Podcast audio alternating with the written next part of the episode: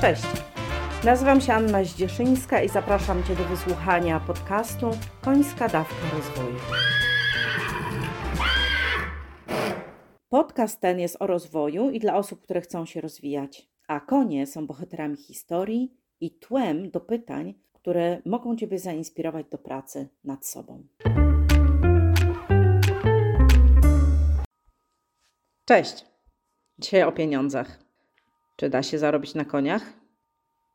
No, w sumie da. Chociaż częściej nie. Ja czasami dostaję pytanie, ile kosztuje koń? I odpowiadam właściwie tak, jak kiedyś moja znajoma odpowiedziała. Także to nie mój tekst, a szkoda, bo wydaje mi się, że trafny. Koń kosztuje tyle, ile samochód. Czyli możesz mieć konia za kilka tysięcy złotych, ale też za, no właśnie, kilkadziesiąt milionów dolarów. Tak, kilkadziesiąt milionów dolarów.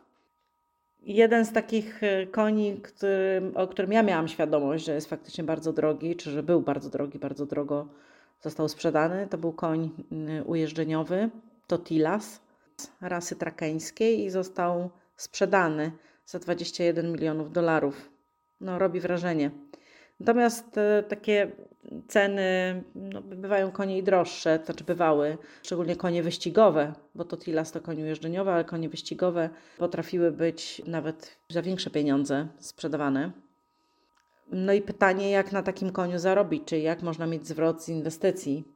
I tak, tak sobie myślę, że czasami są hodowle, które są dochodowe i mm, czasami są szkółki, które prowadzą jazdy konne, z których, no bym tak nazwała to, idzie wyżyć. Pewnie na wyścigach można zarobić, to znaczy zakłady wygrywać, natomiast tam pewnie też są wysokie koszty utrzymania tych koni wyścigowych i hodowcy pewnie mają w tym jakiś interes, no bo by nie hodowali, tak mi się wydaje, chociaż tutaj nie jestem fachowcem. Przy koniach w takim wys wysokim sporcie to już są sponsorzy. No bo jeden koń, który kosztuje no, takie kolosalne pieniądze, to, to, to jaka jest w ogóle szansa na zwrot z inwestycji? Oczywiście zawsze można konia sprzedać i wtedy na nim zarobić. Znaczy w sensie, że ma się zarobione pieniądze, tylko pytanie, czy się na nim zyskało, a to już zupełnie inna sprawa. No ja mam konie rekreacyjne, które mają wartość emocjonalną, czyli Totilas był tani w porównaniu z moimi końmi, które są dla mnie moimi przyjaciółmi i po prostu nie są na sprzedaż za żadne pieniądze. Chociaż poezja czasowo nie była moja, to tak sformułowałam umowę, żeby koń do mnie wrócił.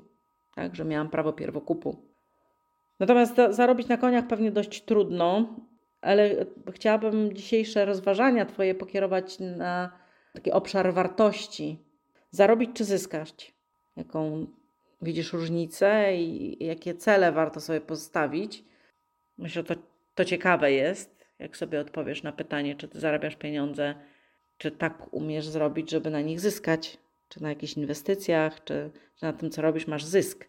Czyli coś ci zostaje, oprócz tego, że zarobisz, wydasz, to coś, coś ci zostaje z tego. A druga rzecz, jak wycenić coś, co ma dla ciebie wartość emocjonalną. Dzięki za dziś. Pozdrawiam serdecznie. Cześć.